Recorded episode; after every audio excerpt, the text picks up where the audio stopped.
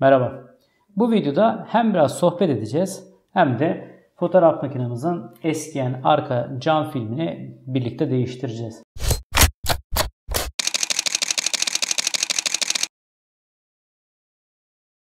Umarım bir önceki videoyu beğenmişsinizdir. İşinize yarayacak bilgiler çıkmıştır. Çünkü mikrofon konusunda gerçekten ben de değişik bir bilgi edinmiş oldum.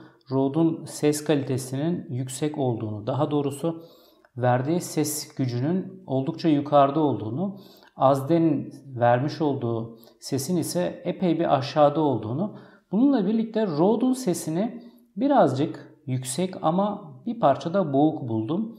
Azden'in sesi aşağıda da olsa Azden'in sesini biraz daha temiz buldum. Dediğim gibi ben ses uzmanı değilim ama benim kulağıma gelen en azından bu şekildeydi. E, bundan sonra artık Rode'un e, sesini kullanacağım. Çünkü Azden zaten mono. Bir de onu e, çiftlemekle uğraşıyordum. En azından bir süreçten kurtulacağım. Hem de Rode'u aldık zaten bunu kullanmak için. Bundan sonra kullanmaya başlayacağız. Şimdi çok ilginç konulardan bir tanesi bazı arkadaşlar benim bir tane Nikon D5500 uygun fiyatlı DSLR videom var. Yaklaşık 45 bin defa falan, 43 bin defa izlenmiş. Epey beğenilmiş videolardan bir tanesi. Onun altındaki yorumlar beni çok şaşırtıyor. Şimdi oraya gelen herkes diyor ki uygun fiyatlı diyorsun ama çok mu uygun? Ben 500 liraya 600 liraya arıyorum. Ya da 700 liraya bana bir tane fotoğraf makinesi önerir misin? Arkayı flu yapan. Şimdi arkadaşlar teknik olarak böyle bir şey bu fiyatlarda bu teknolojilerde böyle bir şey bulabilmek mümkün değil. Mesela D5000 serisi makina oldukça e, giriş seviyesi bir makine ve fiyatı oldukça da uygun. Yani ben bugün mesela videoyu yaparken baktım. 3500 lira civarında. Eğer DSLR almak istiyorsanız e, böyle de bir bütçeniz yoksa yapabileceğiniz ikinci kademedeki hareket ikinci el bir makine almaktır. Çünkü sıfırda giriş seviyesindeki rakam size yüksek geliyorsa bunu daha üstte, orta kademeye, profesyonel kademeye götürmek zaten sizi daha yüksek rakamlarla karşı karşıya bırakacaktır. E ikincisi döviz tarafı var. Yani 1 dolar 5 lira olmuş. Rakamlar zaten çok yükseldi ister istemez. Yani %20 %30 civarında dövizden gelen bir artış oldu. E zaten e, teknoloji barındıran cihazlar bunlar. Onun için bunlarda istenilen çok düşük rakamlara bulabilmek mümkün değil. İkinci el bir makine alınabilir. Eğer video çekmek ise amaç burada yapılabilecek hareketlerden en basiti cep telefonu ile çekmektir. Bunların teknolojileri gayet yeterli. Düşük ışık koşulları haricinde gün ışığıyla e, pencere karşısında çok güzel videolar çekenler var. Bunlarla sürekli video üretenler var. Eğer YouTube'da video üretmekse amaç bunlarla yapılabilir. Ekstradan bir makine almanıza gerek yok. Çünkü ekstradan makine aldığınız zaman başka aksesuarlar alınması gerekiyor. Yani mikrofon geliyor işin arkasından. E onu taşıyacak bir tripod geliyor. Geliyor, geliyor, geliyor. Yani masraf ister istemez artıyor. Bu sebeple eğer böyle bir bütçe yoksa mobil telefonla bu işi çözmek en mantıklısı. Ya da ikinci el bir makine alınacak. Ya DSLR bir makine alınacak. Ya da kompakt bir makine alınacak. Şimdi geçen gün bir arkadaşımızla sohbet ediyorduk. Benim böyle bir tane Canon G12 makinem var. Bu makine ben 2013 yılında almışım. Ee, Pardon.com'da da bir tane yazı yazmıştım. 2013 29 Ekim'de yazmışım hatta. 6-7 sene geçmiş üzerinden, 6 sene geçmiş üzerinden. E, o zaman epey bir anlatmıştım. E, bayağı da beğenen de olmuştu o yazıyı ve ondan sonra da Canon G12 almıştı birkaç arkadaşım tanıdıklarımdan. E, bu makine mesela eski bir makine ama bu makine çok temiz e, RAW çeken e, hatta bununla çekmiş olduğum fotoğraflardan stok sitesinde sattığım fotoğraflar var ve hala da satıyorum o fotoğrafları. Kalite olarak ise basit bir makine. Ama iyi kalitede bir fotoğraf çekmek istiyorsanız ikinci elde bu makineler çok çok ucuz. Yani komik rakamlara alınabilecek rakamlar. Denemek için bile alınıp kullanılabilir. Yani 3500 liralar, 5000 liralar, 6000 liraları konuştuğumuz yerde bu makineler 300 lira, 500 liralara bulunabiliyor çok rahat ikinci elde. Belki çok daha bile ucuza bulabilirsiniz. Belki alıp da kullanmayan arkadaşınız bile olabilir. O bile size hediye edebilir. Ama bunların video kalitesi mesela düşüktür. Çünkü o zaman teknoloji olarak bu kadar ileride değildi.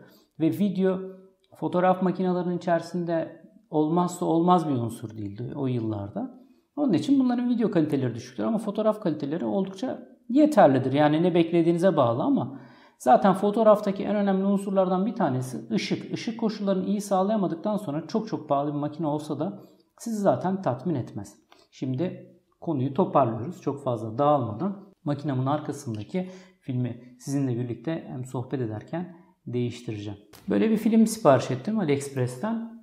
Bir önceki film üstünde duruyor. Daha doğrusu cam şeklinde önünde duruyor. Yalnız arada bir boşluk olduğu için bu boşluktan içeri toz doldu. Ee, şimdi bunu büyük çoğunlukla eşim kullanıyor. Arada da ben kullanıyorum duruma göre ama %99 o kullanıyor. Şimdi bunun içerisinde tozlu olduğu için görüntü biraz kötü gözüküyor. Şimdi bu filmi çıkaracağız. Yerine bu filmi takacağım. Yani takmayı düşünüyorum. Eğer bu film beni biraz endişeye götürüyor şu açıdan. Sanki yapışkanlı gibi gördüm filmi. Eğer yapışkanlıysa yapıştırmayacağım. Çünkü arka ekran yumuşak bir ekran. Onun üzerine yapışkanlı bir şey yapıştırmayı düşünmüyorum. Bakalım birlikte görelim. Makinamızı şöyle kenara doğru alalım. Bahsettiğim filtre buydu. Daha doğrusu ekran filmi. Şöyle açalım bakalım. Nano coating falan demiş. Ne kadar nano göreceğiz. Bize nano lazım değil de bize iş yapacak film lazım. Evet çok şey gibi değil. Böyle yapışkan bir şey gelmiyor. Cep telefonu filmi gibi. Şimdi bu bahsi bakın görüyor musunuz? Şuralar oldukça böyle kumlu gibi sanki. Aslında temiz ama içeriye doğru şu açıklıktan şey aldığı için hava aldığı için bütün kumlar bu içeriye doldu. Şimdi bunu beraber çıkartalım. Bak kırdık beraber. ne kadar güçlüymüş inanamadım yani. Plastik bir malzemeyle çıkarsak daha iyi olacak onu. Bayağı kırılarak çıkacak öyle gözüküyor.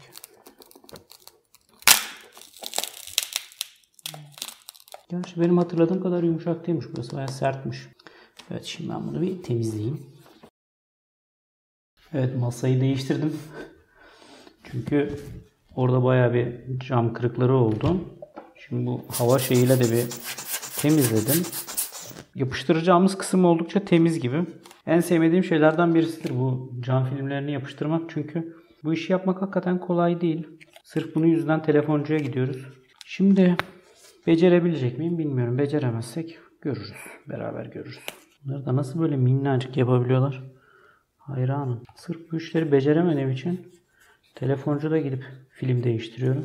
Siz yapabiliyor musunuz bilmiyorum ama bana çok zor geliyor. Çünkü içeride mutlaka bir hava kabarcı falan kalıyor. Maharet de zaten o hava kabarcını bırakmadan yapabilmekte. Bir gün elemanın bir tanesine gittim telefoncuya. İçerisinde böyle 10 tane falan hava kabarcığı kaldı. Dedim ya bunu ben de yapardım zaten. Beğenmiyorsan alma dedi. Ya beğenmedim tabii ki dedim. Bunu zaten ben de yapardım. Evet oldu gibi bilmiyorum inşallah olmuştur.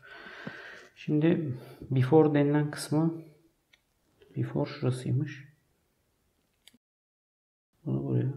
Ucu ucuna gibi. Şimdi telefoncular bana gülecek. Ya öyle 10 tane kabarcık diyordun.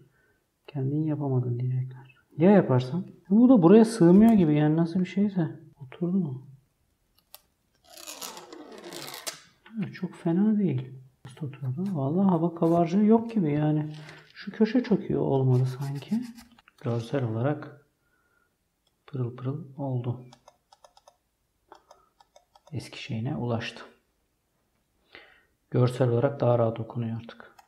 Filmi kapladık. 100 üzerinden 98 alır. Benim kanaatimce. Ama biraz filmden kaynaklı. Tam sığmadı yani içeriye çünkü. Ama bence tertemiz oldu.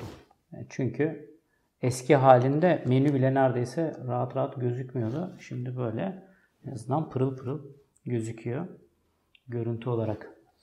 Eski bir makinamızı daha hayat verdik çalışır halde tuttuk. Ben çok önemsiyorum açıkçası ekipmanlarımı. Hem temiz kullanmayı önemsiyorum. Hem olabildiğince ömürleri gittiğince temiz bir şekilde hem kalmaları için hem bakımlarını yapmaya çalışıyorum. Hem de onları diri bir şekilde ayakta tutmaya çalışıyorum. Çünkü kolay kazanmıyoruz. Hiçbirimiz kolay kazanmıyoruz. Ve biraz da serde de titizlik var ekipmanlara karşı. Bundan sonraki bir videoda şu arkamda görmüş olduğunuz çerçevelere seçmiş olduğum 3 tane fotoğrafı yerleştireceğim. Bunlar benim kendi çekmiş olduğum e, sanat kategorisine girebilecek fotoğraflardan değil de anı kategorisine girebilecek olan fotoğraflardan. Hepimizin fotoğrafları dijital bir şekilde disklerin içerisinde bulunuyor. Ama bunları hayat verip de yaşamımızın içerisine sokmadıktan sonra sadece kendimizin görüp baktığı halde tuttuktan sonra bence çok kıymeti yok. Fotoğrafların baskısını yapmayı seviyorum. Yaptırmayı seviyorum daha doğrusu. Kendim basmıyorum. Çok kısa bir süre bastım. Dışarıda bastırıyorum. Bunları sürekli görmek güzel oluyor. Eskiden ailelerimizde bir gelenek vardı. Misafirliğe gidildiği zaman o evdeki fotoğraf albümleri elden ele dolaşırdı. Böyle 5 kişi, 6 kişi yan yana otururduk. Bir fotoğraf albümü birisi bakardı. Onu tamamlayınca o yandakine verirdi. Böyle baka baka giderdik. Bizim evde hala böyle iki koli e, fotoğraf vardı. Babam çok sever fotoğraf çekmeyi. Eskiden e, onları çekip bastırırdı. Tabi dijital çıktıktan sonra artık çok fazla bastırmıyoruz ama böyle yapmamak gerekiyor. Baskılarını almak gerekiyor. Bize misafirler geldiği zaman onlara böyle uzun uzun saatlerce bakardık. Hepsinde de hem eski anıları hatırlardık hem de o anında yaşanmış olanların e, üzerinden bir, bir defa daha geçilirdi. Evet, şimdilik hoşça kalın, sevgiyle kalın.